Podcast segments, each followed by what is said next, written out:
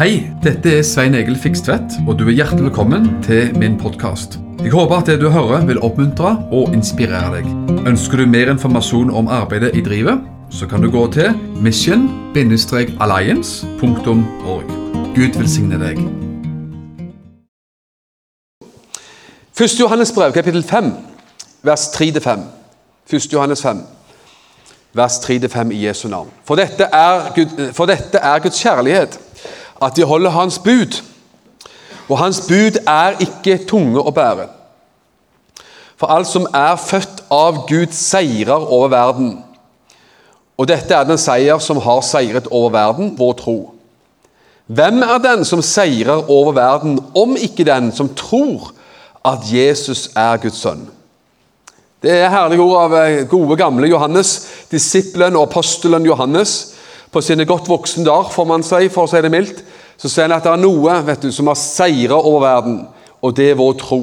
Det som er født av Gud, det seirer over verden. Og Han sier jo at vi holder Hans bud.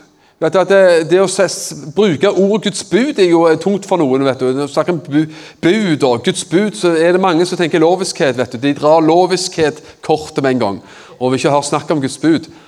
Men det står det her om å holde Guds bud, og det er så enkelt. vet Du Du er skapt for å holde Guds bud, for du er født av Gud. Så det er ikke tungt, vet du. Det er enkelt. Guds, Guds bud det er som en brødbit. Det er bare, det er liksom, det er det vi lever på. Halleluja. For det at vi har fått et seiersliv av Gud.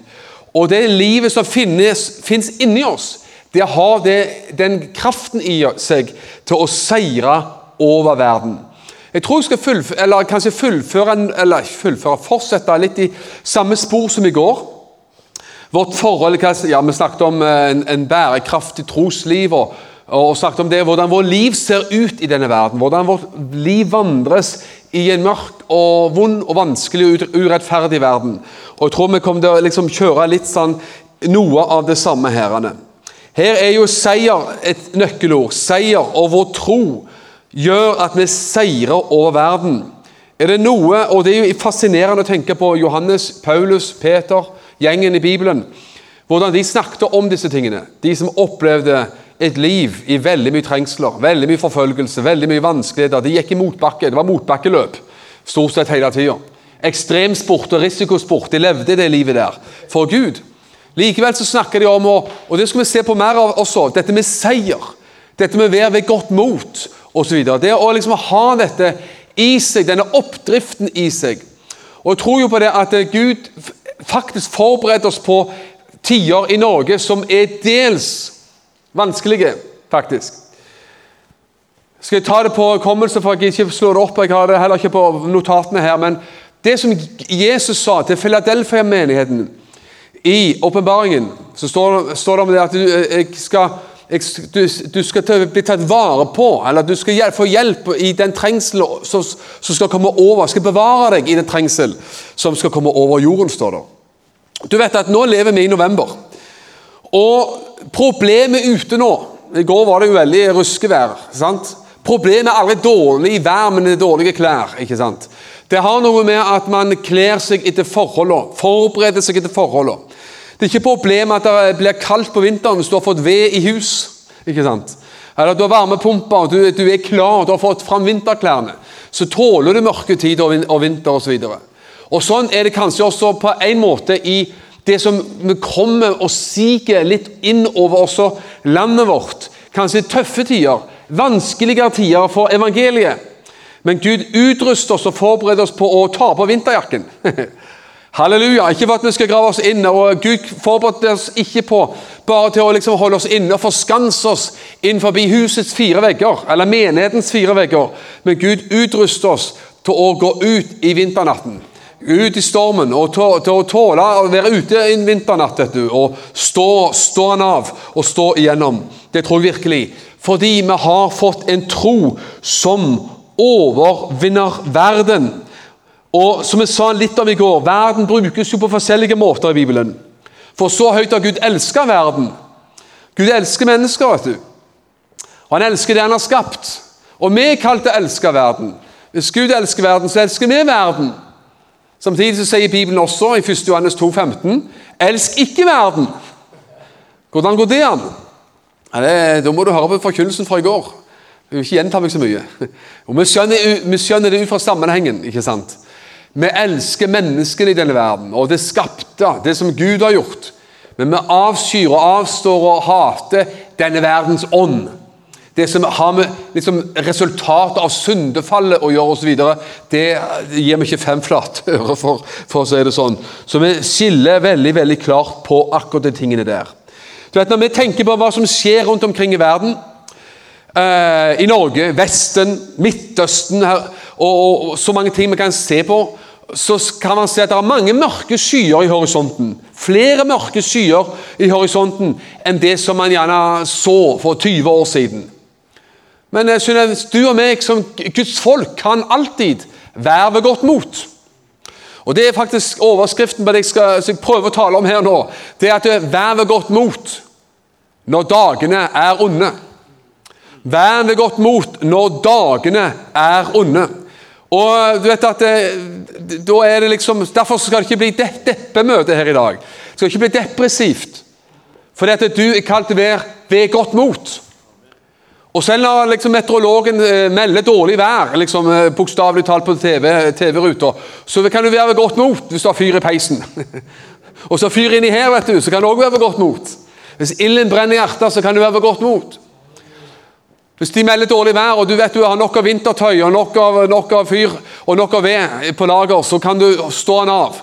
Og Sånn er det også med det som Gud har lagt i våre liv. Derfor skal vi ikke bli deprimert. Vi skal ikke bli aggressive heller. Du skal ikke bli aggressive mot ufrelste mennesker eller mot politikere som du syns tar feil valg osv. Du skal ikke bli maktesløs. Du skal ikke bli frustrert, skal, skal ikke bli redd. Fordi du har fått en tro som seirer over verden. Priser Gud for det. Jesus sa Vi var litt innom det også i går, men Jesus sa bl.a. Johannes 16, 1. Første vers i Johannes 16 så sier Jesus alt dette har jeg talt til dere for at dere ikke skal ta anstøt. Anstøt er kanskje litt sånn vanskelig ord. Liksom, eh, det er et åndelig ord som man gjerne bruker i bibelsk sammenheng. Men hva betyr anstøt? Ja, Det kan bli å, å, bli, å ta anstøt og bli fornærma. Bli liksom skuffa, såra, fornærma. Men det betyr også, som andre oversettelser sier, å falle fra, eller falle, snuble og falle. Så Jesus forberedte disiplene sine på noe for at de ikke skulle snuble. De skulle ikke falle, de skulle ikke liksom gå i veggen. Og det er fantastisk. Jeg elsker Jesus, for han var sann. Han var realist. Han, han talte og han forberedte sine disipler på hvordan de skulle leve et overvinnende liv her i denne verden. Hvordan vi skulle være ved godt mot når verden og når dagene er onde. Problemet er, er ikke motstand utenfra. Det sier jeg igjen og igjen. Problemet er for deg og meg ikke motstand utenfra, men at man dør innenfra. Hvis man dør innenfra, det skal man ikke gjøre. Men det har vært problemet for mange menigheter, og kanskje kristenheten i rimelig grad også. Problemet er ikke motstand utenfra, problemet er at man dør og går opp i liminga innenfra. Og det må det, det må det bli en slutt på. Det må det bli en slutt på. Hvordan kan det bli en opplevd virkelighet, venner, at vår tro har seire over verden og kan forandre verden? Vi leste jo det i 1. Johannes brev allerede. Den seier som er seire over verden, er vår tro. Og hvordan kan vi oppleve det i våre liv? At det, blir en opplevd virkelighet, ikke bare når man leser i Bibelen og så halleluja, ja, det var et fint ord. Det var det jo også. Men det blir opplevd virkelighet hos oss. At vi har en tro som seirer over verden, og som forvandler verden rundt omkring oss. Og hvordan kan vi være godt mot når omstendighetene er vanskelige? Hvordan kan vi være ved godt mot når dagene er onde og vonde? Hvordan kan vi være ved godt mot når omstendighetene ikke alltid går vår vei? Du vet, Omstendighetene de går ikke alltid vår vei, enten det være seg privat i våre liv.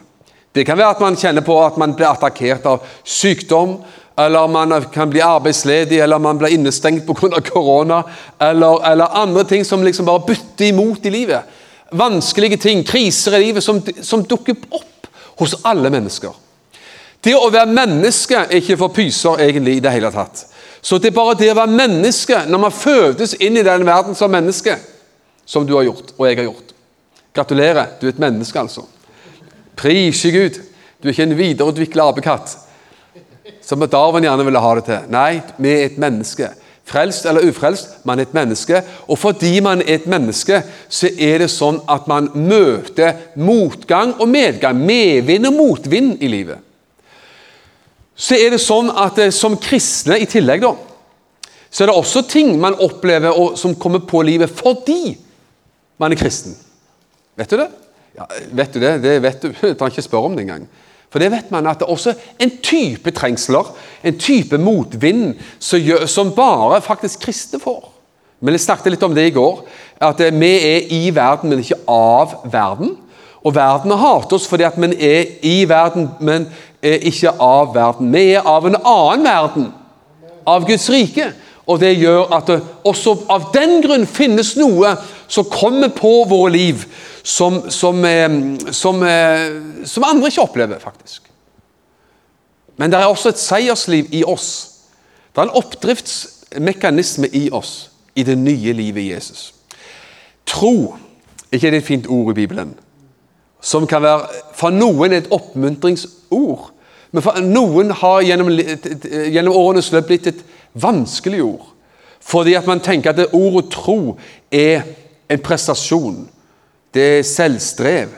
Du må frembringe mye liksom, eh, svette i livet, og du må ta tak i liksom, å prestere og tro. Er tro en prestasjon, eller er, det en gave? Er det et liv som er der? sant? Tro er ikke en prestasjon, men det er et liv som du er født inn i. Og det er en gave fra Gud. Så hvis man skjønner at tro er noe som du har fått, og som er et privilegium, så er ikke tro så vanskelig. Men tro, hva er tro, og hva er det ikke? Tro er ikke å fornekte omstendighetene, men det er å nekte omstendighetene og ha makt over deg. Kan du ta den? Det er ikke å fornekte omstendighetene, men det er å nekte omstendighetene og ha dominans, herredømme. Det er å nekte omstendighetene og undertrykke og underkue livet. At vi kan kjenne på denne motet denne styrken fra Jesus som gjør at man, er, man, kjenner på motvind, men det er noe i oss som presser igjennom, og som står han av, og som gjør at man kommer igjennom. Det tror jeg virkelig på. Det var en person som sa en gang, som jeg beit meg fast i, som er en bra utsagn. Han sa Om du føler at du står i hengemyr, kanskje, med alskens elendighet og dritt helt opp til halsen, da er det ikke tid for å henge med hodet. Hvis du ser det for deg. Og selv om det er fristende å henge med hodet akkurat da, men da bør du ikke henge med hodet. Står du med dritt opp til her, så vær så snill, ikke heng med hodet, for da kan det gå riktig galt. Det er bra utsagn og bra ordtak for å kalle det det. Men jeg tror det, det er nesten det bibelsk. Det står ikke i Bibelen, men det, det er i tråd med Bibelen. Vær ved godt mot når dagene er onde, og når vinden blåser imot. Hør hva Jesus sa. Lukas 21, 25-28. Lukas 21, vers 25-28. Da snakker Jesus om de siste tider. Det skal være tegn i solen, i månen og i stjernene. På jorden skal folkeslagene gripes av angst og rådvillhet når havet og bølgene bruser. Mennesker skal bli maktesløse av frykt og gru for alt det som skal komme over jorden. For himlenes krefter skal rokkes. Det er veldig klar tale for Jesus, og det hva, hva det helt sånn konkret innebærer til, til punkt og prikke, det vet man kanskje ikke alltid. Men man skjønner jo noe av tegningene her likevel, at det ser røft ut. Da skal dere se menneskesønnen komme i en sky med kraft og stor herlighet. Halleluja, Jesus kommer. Det er fantastisk. Vers 28 sier Når dere ser dette begynne å skje, sier han. Oh, da, se da, løft opp deres hoder, for deres forløsning nærmer seg. ikke det fantastisk? Løft hodet, løft opp hodet. Så Det passer jo litt godt da, at hvis når du ser alt dette her, og du føler du står opp til halsen med dritt, så, så løft hodet, og ikke, ikke senk hodet. Ikke heng med hodet. Løft hodet. Du og vi kan få lov til å leve med løfta hode. Jeg lengter til å se det at det fins kristne som lever med løfta hode igjennom alle ting. Og Er det noe som har eh, berørt meg Når man har møtt kristne fra andre land og, hva, hva, og vet hva de står i, så har, har man møtt mennesker som lever på et forunderlig vis med et løfta hode. Og vet du hva? Når man da møter, har møtt kristne fra Nepal, India og mange steder, så kjenner man at man kan bli flau. Og føler seg faktisk litt åndelig fattig. For de er fattige på andre områder, men de er rike i sin tro. Og rike i Gud. Sant? Og så føler man selv at man er veldig rik materielt i det ytre fordi at man er født i Norge. Og så tenker man at det, det de har gått igjennom, er jo eh, det, det, det, er så uendelig mye mer enn det som jeg, vi har vært i nærheten av noen gang. Og så kjenner man det at de har noe å lære oss. Husker jeg har møtt eh, kristne fra Kina, også Kina, India. Veldig ofte så bærer de med seg et enormt smil og lyse styrke og glede. Styrke. De har en glød i blikket av styrke og glede. Hvorfor? Den prøvede tro som er mer dyrebar enn gull, sier Bibelen. Den prøvede tro som er mer dyrebar enn gull, den er viktig. Og jeg tror at vi kommer også til å komme inn i det og oppleve den prøvede tro.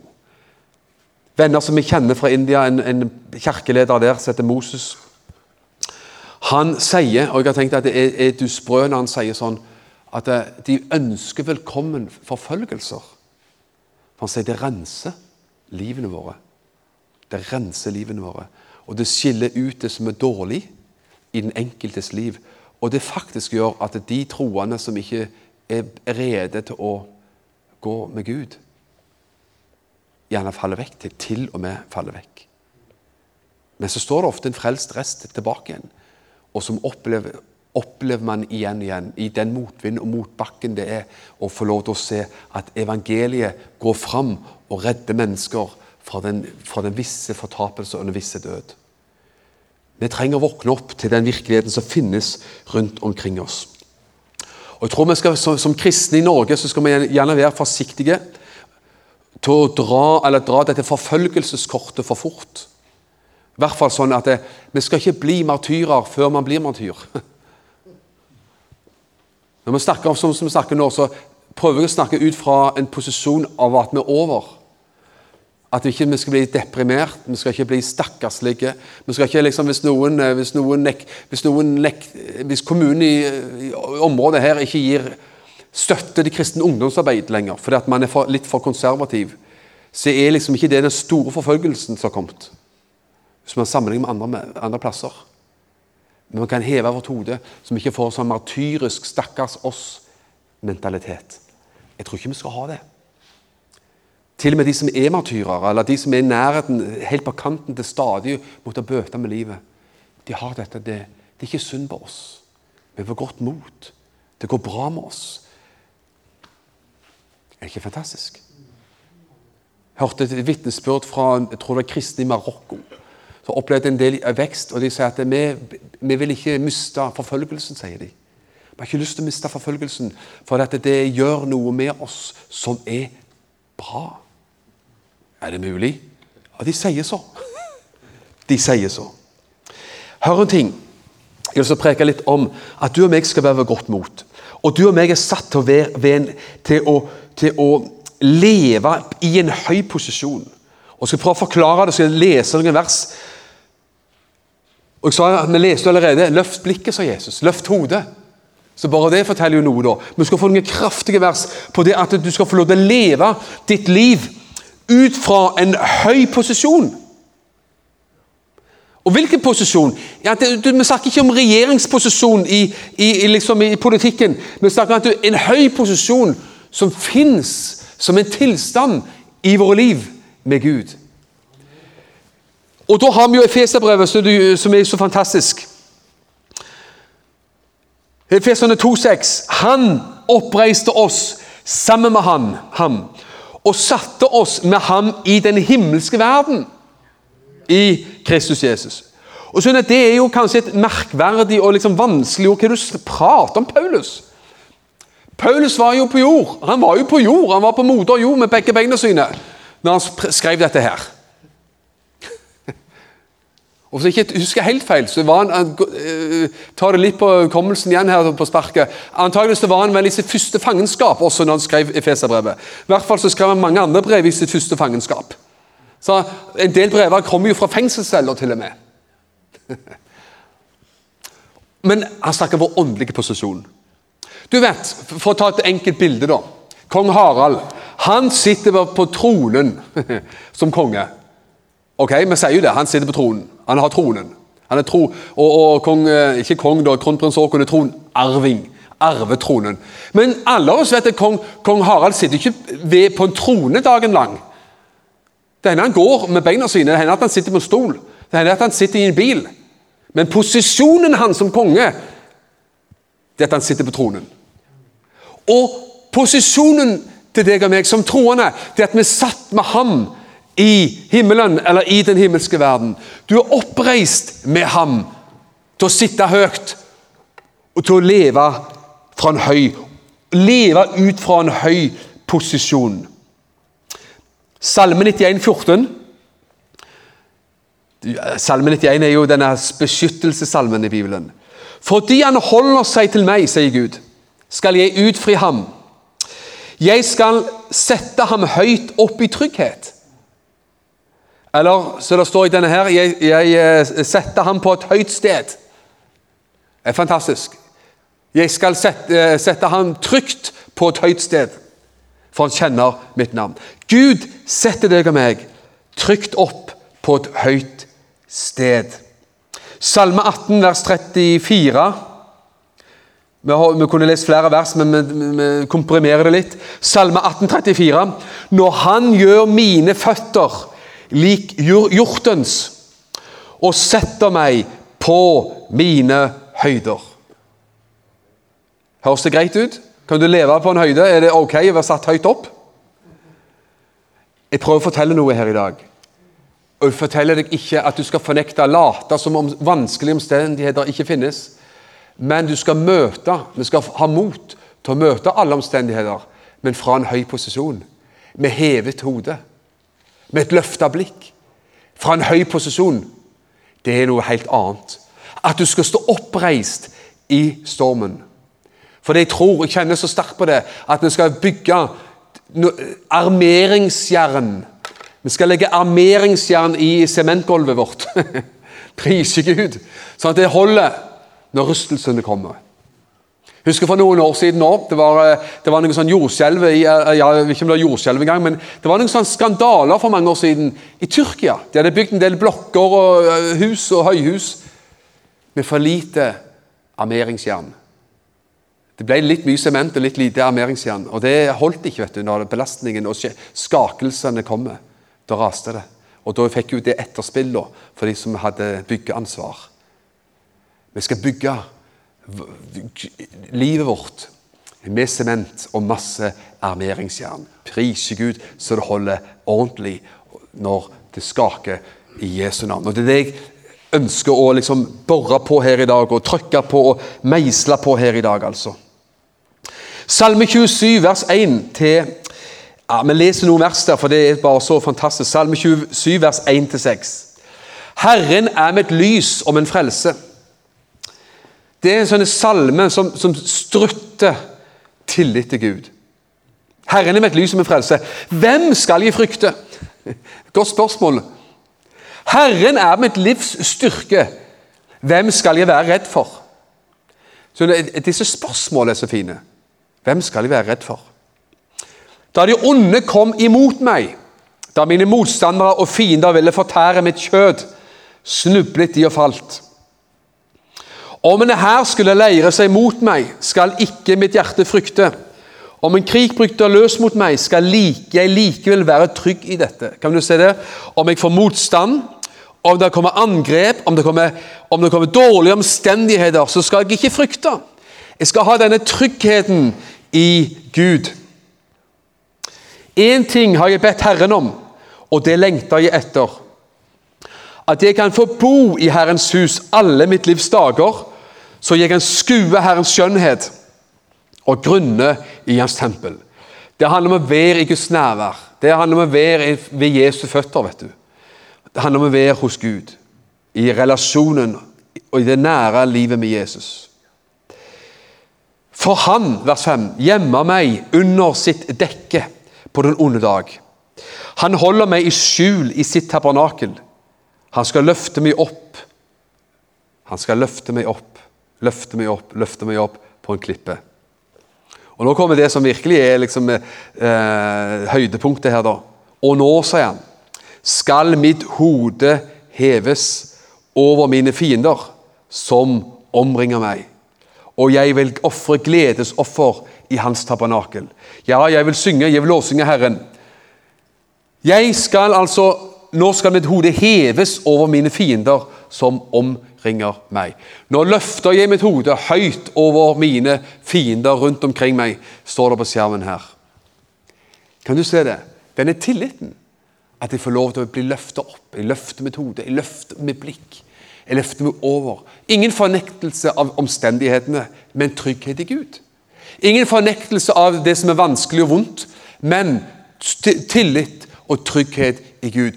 Og at man møter ting ut fra denne posisjonen av å være satt opp. Løfta opp, reist opp, løfta blikket opp og være ut fra en høy posisjon i Kristus Jesus. Det er en sånn VG-TV-serie som heter 'Ikke lov å le på hytta'. Jeg har kun sett tittelen, da. Det jo, ja, ja, hva den handle om, vet jeg knapt. Jeg regner med det humor. Men vet du hva? Det er lov å le i kirka. Prise Gud. Om, de, om, det av en eller annen grunn ikke er lov å leve i hytta, så er det lov, eller, det er lov å le i menigheten. Det er lov å le. Og Vi skal høre litt om latter her i dag være over. Kristne trenger å le litt mer. Smile mer, være over.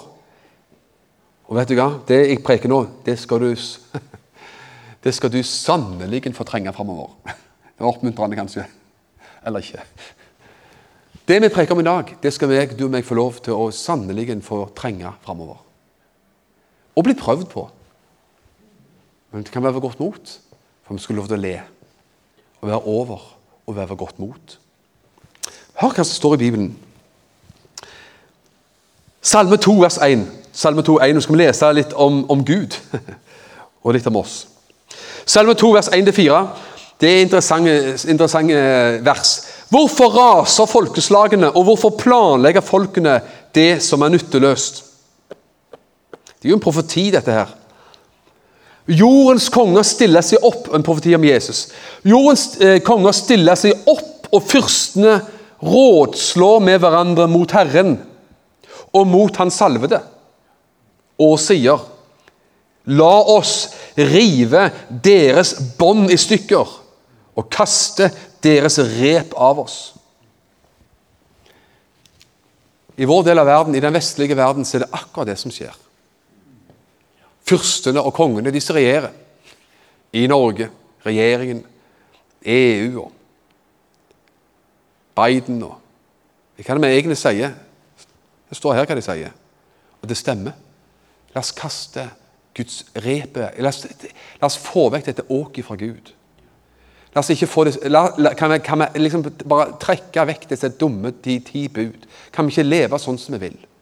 Kan vi ikke bestemme sjøl hvordan et ekteskap skal være?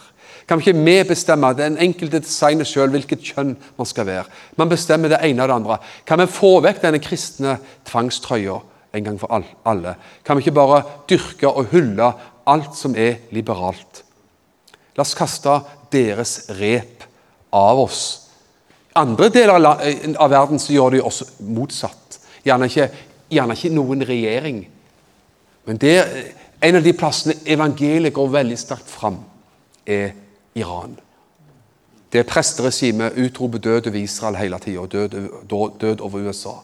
Men evangeliet går fram.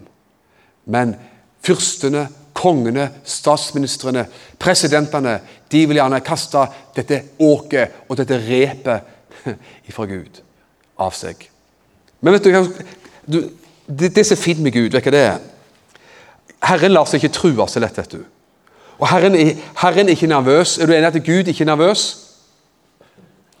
Kan du tro at Gud er ved godt mot? Han er det.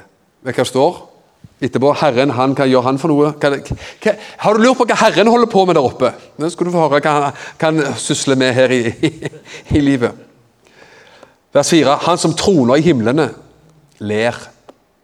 Herren spotter dem, sier, står det. Ok? Han ler.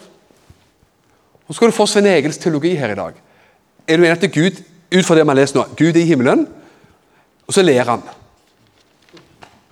Ikke, han er ikke sur, han er ikke deprimert, han er ikke dårlig mot, han føler seg ikke trua. Han ler. Så leste vi i Efeserne 2, 6, at vi er satt med ham i himmelen. Hvis vi er satt med han i himmelen, så kan kanskje vi òg kan le litt. da. Hvis han, der, hvis han, der, oppe driver og ler, og vi er satt med han der oppe, vi er satt sammen med han der oppe, så kanskje vi òg kan være med og le litt i kor. Hva er det de prøver å fortelle? Du og vi kan være ved godt mot. Du og vi kan le. Du og vi kan skjønne at det, Gud har det siste ordet. Du er på det seirende laget. Du har en tro som har overvunnet verden. Må dette synke, synke og synke inn i oss. Og bli en del av det, vårt trossystem. Vårt tankesystem. Ja, som en del av vårt Rett og slett som en del av vårt følelsesliv. Halleluja. Gud ler. Skal du få flere salmer her? Salme 37, 13. Ja, Salme 37, 12 og 13. Den ugudelige legger planer mot den rettferdige og skjærer tenner mot ham. Det er ikke fint gjort. Hva det står? Herren ler av ham, for han ser at hans dag kommer. Ordspråkene 31, 25. Nå går vi gjerne fort fram, men kommer jo, det kommer fort på skjermen for dere. Det er jo denne her, en gode kone så det står om der. Det er jo en herlig hyllest, hyllest dette til Guds kvinner. Prise Gud. Er det greit? Et eget ordspråk, eget kapittel for damene. Det er fint vet du, passer godt på kvinnedagen 8. mars og ellers. Styrke og verdighet er hennes kledning. Hun smiler mot dagen som kommer. Det står enda bedre i denne her andre. Hun ler av den kommende tid. Hun ler mot de kommende tider, står det også. Så man kan le, man ser framover og vi kan møte det med latter. Man kan møte det med glede. Man kan møte det med en holdning av å få lov til å være over. Prise Gud. Sara i Bibelen, kona til Abraham. Når Gud kom og sa du skal få deg, du, nå, nå, er tiden inne, nå skal du få deg en sønn, altså. Isak. Jeg hadde venta lenge. Vet du hva da gjorde først? Da lo hun. Men Da var det en litt sånn hånlatter, vantroslatter. Hun lo. Er det mulig? Sorry. Beklager, engel fra Gud, altså. Det, det, jeg er for gammel for den slags. Så hun lo. Ja, jeg, jeg, jeg, kan fortelle hvor det står, men skal ikke slå det opp. Men jeg bare forteller det så du har det med. liksom Første Mosebok 21,6. Og um, Blant annet, da, men det står så tidligere, da, det, det poenget. at jeg, Hun lo først at Gud sa at du skal få en sønn. Så lo hun. Og Så sier engelen, 'Hvorfor ler du?' Han sa, det, han sa det til Abraham. 'Hvorfor ler kona di? Hvorfor ler hun?' Hun ler ikke. 'Jeg lo ikke', sa hun Sara. 'Jo', sa engelen. Du, 'Det gjorde du. Du lo'. Bare vent og se. Vent og se om ikke det jeg sier, er sant. Men det, det, som er poenget her, da, det er at etter hun hadde fått sin sønn Hva sier da? Herren har gjort det sånn at jeg må le. Da sa du Se for deg at du sitter med en liten nyfødt baby i armene, og så sitter du bare og ler. Og da var det ikke vantroslatter. Da var det seierslatter, naturligvis. Da var hun i lykkerus over det hun hadde opplevd. Gud har sans for latter, og Gud ler, og du og meg kan få lov til å le gjennom vanskelige ting. Og Jeg prøver ikke å bagatellisere. Hør en ting. Jeg vil ikke bagatellisere din og min nød. For vet, Hva vet jeg hva du har vært igjennom, og hva, hva, vet du hva jeg har vært igjennom? Det vet vi lite om hverandre. Så det, Vi driver ikke å bagatellisere eller kimse eller spotte folks nød og elendighet. Verken hverandres nød og elendighet for den saks skyld, eller andres.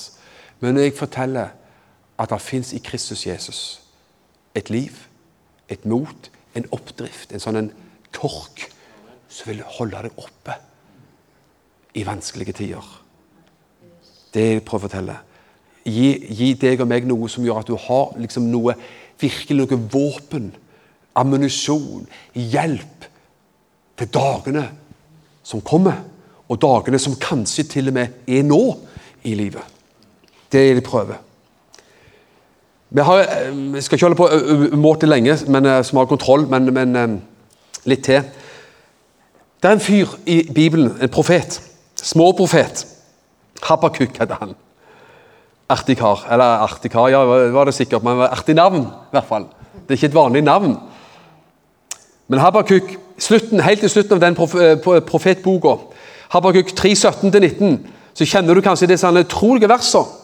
Selv om fikentreet ikke blomstrer, og det ikke blir frukt på vintreet Selv om frukten svikter på oliventreet og markene ikke gir noe føde selv om småfe er utryddet fra kvene, og det ikke er storfe på båsene Stopper bitte litt der.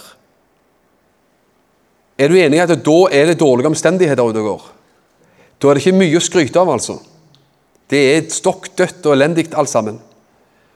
Så sier han vers 18.: Så vil jeg likevel Hva tror du om det ordet 'likevel'? Det står litt annerledes i denne, her, men ordet 'likevel' passer godt inn. Så vil jeg likevel fryde meg i Herren. Jeg vil glede meg i min frelses Gud. Herren Gud er min styrke. Han gir meg føtter som dådyrene, og han lar meg fare fram på mine høyder. Her har du høyden igjen, vet du. Når, du, når, du, når man leter det fram, da er det veldig hva det står om høyder i Bibelen. Det står så mye om høyder. Ja. Han lar oss få lov til å stå, fare på høydene, selv om omstendighetene vil prøve å trekke oss ned. Selv om alle av oss kjenner altfor godt til tyngdeloven i våre liv og i våre omstendigheter, så er Gud og Guds nåde over tyngdeloven. Og det er fantastisk. La meg lese opplegget her sånn, fordi Gi deg bakgrunn for dette. Sørriket i Israel, altså Juda, var i ferd med å bli beseiret av Babylon, kongen Nebukadneser. Og det gikk rett og slett skikkelig eh, dårlig av gårde med landet. Og Forut for den, at når Israel, eller Juda ble kringsatt og eh, folk ble ført i fangenskap til Babylon, så hadde jo landet igjen og igjen blitt eh, advart av profeter. Igjen og igjen, og landet var i forfall moralsk, økonomisk altså ting, var, ting gikk bare feil vei.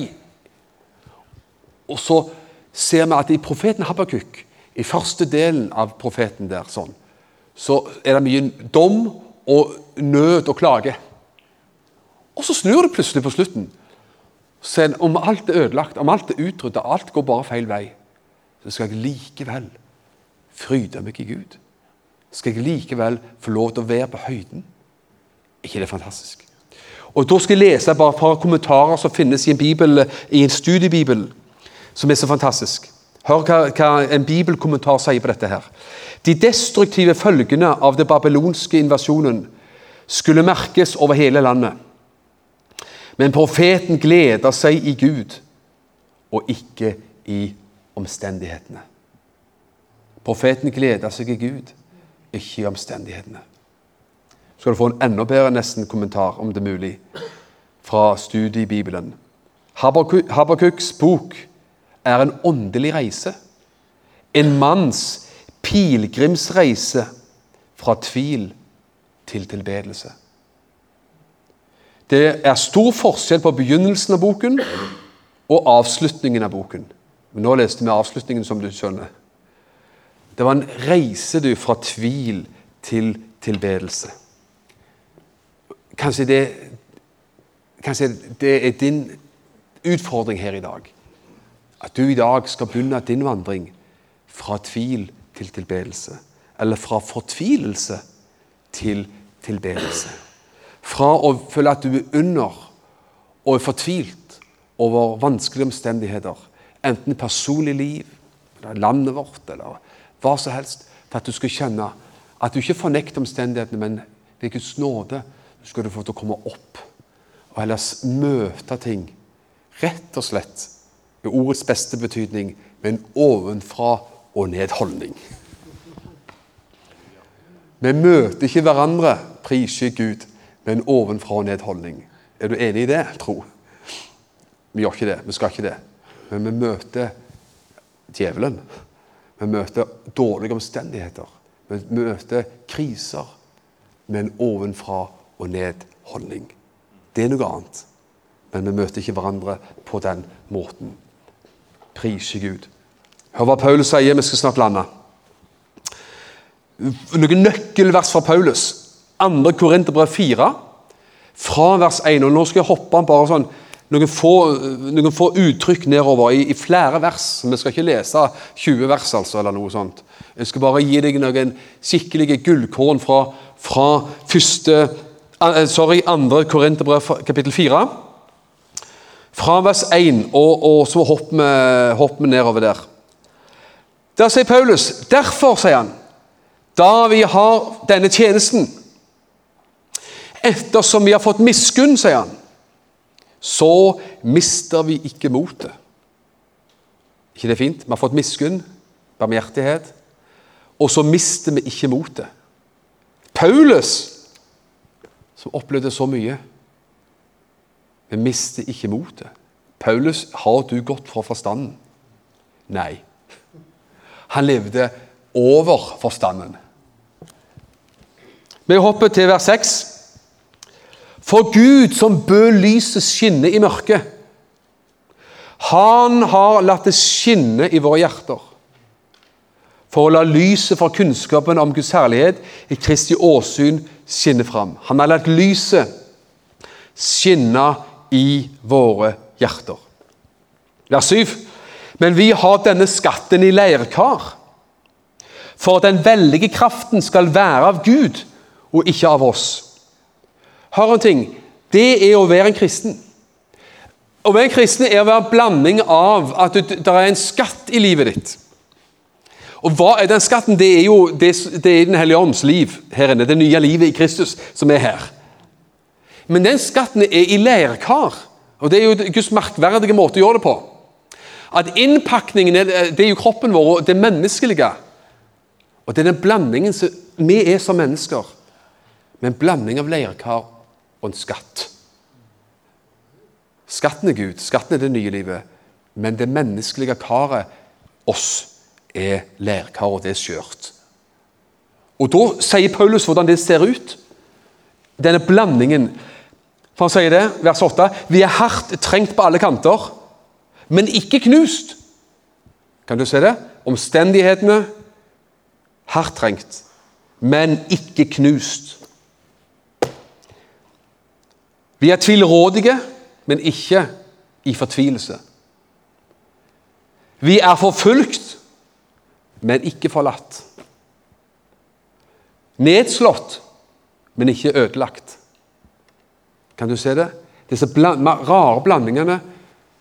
Ytre omstendigheter, trøkk og, og, bulking på alle kanter. Men det er noe som holder oss oppe likevel. Og det er skatten som er i dette leirkaret her. Vers 16.: Derfor mister vi ikke motet, sier han. Vers 17.: For vår trengsel er lett, og som bare varer en kort stund. Slå den. Det er lett for oss å si som lever i Norge, men Paulus, da? trengselen vår, problemene våre, sier han, de er lette, sier han. De, de varer, de, og de, de er lettere i kortet. Det er lett det, hvor lett er det sier når du er forfulgt? Det vi opplever nå, nei, det, det, det går fort over, dette her. Det, det, det er lett, og så er det kort. Når vi er i vanskelige omstendigheter, så føler vi ofte det er tungt og, og varer veldig lenge. Vers 8. Da er, da, vi er da ved godt mot, sier han. Vi er da ved godt mot. Andre Korinterbrev 5, Han fortsetter neste kapittel. Han, han, drar lenge på med dette. Andre kor 5, vers 6. Derfor er vi alltid ved godt mot. Vers 8. Vi er ved godt mot. Oppsummert, venner. Paul snakker med igjen og igjen, igjen og igjen og igjen. Vi er ved godt mot. Vi er ved godt mot. Vi er ved godt mot. Hvorfor? Jo, han nevner noen ting. Han nevner fordi vi har fått miskunn, sa han. Vi har fått miskunn. Han sier en annen ting òg. Fordi at vår indre fornyes dag for dag. Jeg vil ikke vi lese det verset, men det står midt i alt jeg leste. Midt imellom alt. Vårt indre fornyes. Vår ytre går til grunne. Vårt indre fornyes dag for dag. Og så sier han også vi mister ikke motet fordi vi skal være, komme hjem til Jesus en dag. Vi skal være borte fra legemet og hjemme hos Herren. Også står det i denne sammenhengen. Vi har godt mot fordi vi har fått miskunn. Vi ved godt mot fordi vårt indre menneske fornyes dag for dag. Vi ved godt mot fordi det er noe bedre oven der i himmelen når vi kommer hjem til Jesus. Kjære venn, la meg prøve å avslutte. Det skal jeg ikke bare prøve på, men jeg skal til og med klare det. Tenk på det, du. Jeg tror jeg skal avslutte med Matteus 11,28. Kjenner du de versene der? Matteus 11,28, vers, uh, vers 28-30. Kom til meg, alle dere som strever og har tungt å bære, så skal jeg gi dere hvile. Ta mitt åk på dere og lær av meg, for jeg er saktmodig og ydmyk av hjerte, og dere skal finne hvile for deres sjeler, står det. Vi kan ta neste vers òg eh, på skjermen. For mitt åk er ganglig, og min byrde er lett. I dag så tror jeg at Herren vil at vi skal bare foreta denne bytte, jeg kaller det byttehandel. Kom til meg, alle dere som strever av tunge byrder.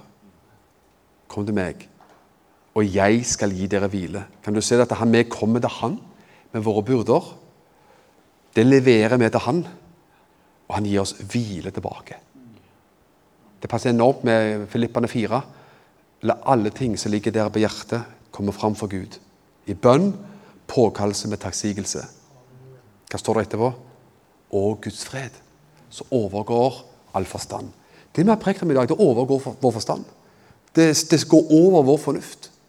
Men det stemmer likevel. Guds fred som overgår all forstand, skal bevare deres hjerter og tanker i Kristus Jesus. Kom til meg, alle dere som strever av tunge byrder, og jeg skal gi dere hvile. Så sier Jesus noe mer, han sier noe mer også. Ta mitt åk på dere og lær av meg. For jeg har sagt modig og ydmyk av hjerte, og dere skal finne hvile for deres sjeler. Kan du se det at han, han inviterer oss til å komme til Han er alltid, hver dag, alltid, med våre ting, våre byrder, våre tyngsler, våre spørsmål. Og jeg skal gi dere hvile. Vi får hvilen hans. Og så sier han også, men du, La meg få ditt åk. La meg få, la meg få din byrde. Så tar han byrden vår. Men så sier han også Nå skal du ta mitt åk på deg sjøl. Han vil gi oss noe. Ja, han vil gi oss sin fred, sin hvile. Men han vil også legge noe på våre liv som heter ansvar, som heter tjeneste. Som heter, han, han tar, vi, vi tar imot de biter av hans byrde som han vil vi skal bære, og som vi er i stand til å bære, som har rygg til å bære. Og vi får forskjellige byrder fra han. Jeg har, føler jeg har fått forskjellige bønnebyrder fra Gud. som jeg ber om hver dag. Mennesker som jeg eh, bærer i bønn, og andre ting. Bærer i bønn. Jeg tror jeg har fått det fra Gud. Og da gjør jeg det med glede og med letthet. For er, hans byrde er lett. Og jeg har lyst til å gjøre det som jeg skal gjøre med mitt liv, i tjeneste for Gud osv. Det er òg lett, egentlig. Det er ikke problemfritt eller at det aldri er en motbakke, men det er en nåde og kraft og en oppdrift i det å gjøre det Gud har kalt oss til å gjøre. Ja. Og det gjelder alle oss. Men tenk at vi får lov til å komme da med alt som vi ikke skal bære. At vi ikke skal drasse på oss sjøl. Kom til meg, dere som strever og har tunge byrder, og jeg skal gi dere hvile. Jeg tror virkelig på det. Og jeg tror at det, her i dag så, så vil Gud betjene oss til, til, å gjøre akkurat noe med det.